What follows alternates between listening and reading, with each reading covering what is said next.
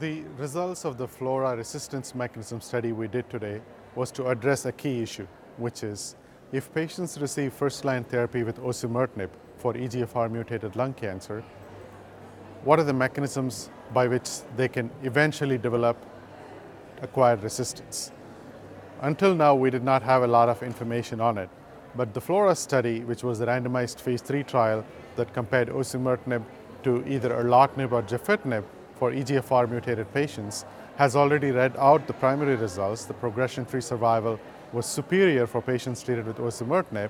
So we wanted to look at plasma samples from these patients, both at baseline and at disease progression, to see what are the mechanisms of acquired resistance.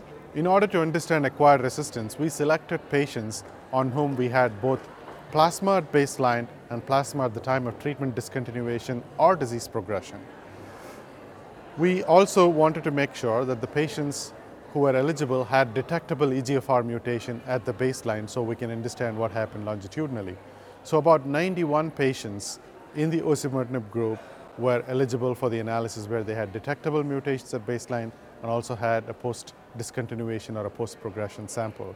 The test we used was the Guardant uh, next gen sequencing assay for the peripheral blood, ctDNA, in order to understand genomic mechanisms. So we were able to look at mutations. We also have information on gene amplifications, though we would state that plasma may underreport gene amplification when compared to tissue based testing. So the main results of the study were as follows. Not one patient who received first-line osimertinib developed T790 as a mechanism of resistance. And this is notable because osimertinib blocks T790, and this is one of the main reasons to give it in the first-line setting. So we were happy to see that. The second is the two most common mechanisms of acquired resistance are number one, MET amplification, which was seen in about 15% of the patients, and number two, C797 mutations, which were seen in about 7% of the patients. So when we take the known mechanisms of resistance that were seen, about 25% of the patients had either MET or EGFR pathway alterations that led to acquired resistance. And finally, there are still about 65% of the patients where we don't know the mechanisms of resistance because plasma may not capture all of these.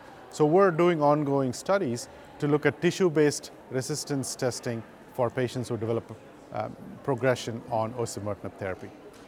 The clinical implications of our study are clearly to see how we can develop new strategies to treat patients who develop acquired resistance to osimertinib.